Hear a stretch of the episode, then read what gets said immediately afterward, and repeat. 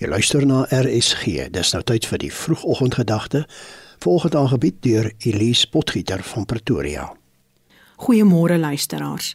Moet nooit dat hartseer van jou verlede en die vrees vir die toekoms jou vreugde in Christus laat taan nie.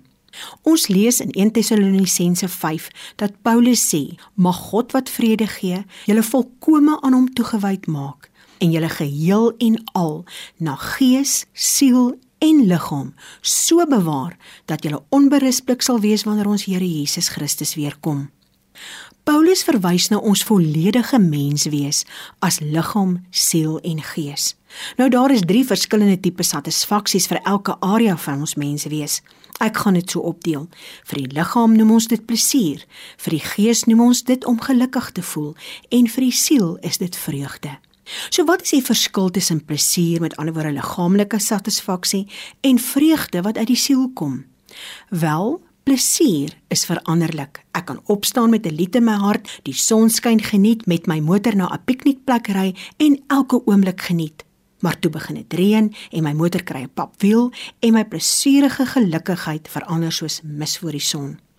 Daarteenoor fokus vreugde wat van die siel afkom, nie op omstandighede nie, want God self is die bron van ons vreugde en God verander nooit.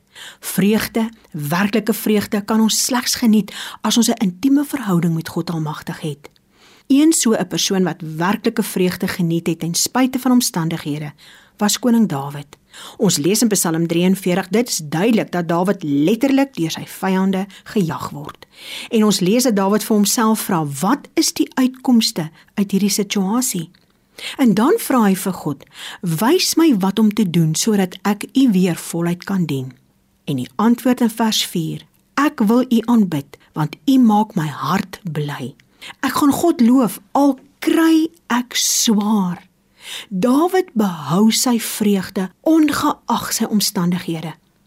Habakuk hoofstuk 3 vers 17 lees: Al sou die vrye boom nie bot nie en daar geen druiwe aan die wingerde wees nie, al sou die olyfoes misluk en die land geen oes lewer nie, al sou daar geen kleinvee in die kampe meer wees nie en die beeskrale sonder beeste wees, nogtans sal ek in die Here jubel, sal ek juig in God my redder.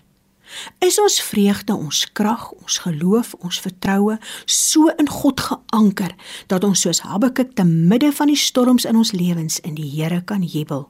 Kom ons anker ons aan die woord van God vandag en bid die volgende bekende Psalm oor onsself. In die naam van Jesus Christus, die Here is my herder. Ek kom niks kort nie. Hy laat my rus in groen weivelde, by waters waar daar vrede is. Hy gee my nuwe krag. Al gaan ek deur donker dieptes, sal ek nie bang wees nie, want God is by my. In sy hande is ek veilig. Amen. Dit was die vroegoggendgedagte hier op RSG, aangebied deur Elise Potgieter van Pretoria.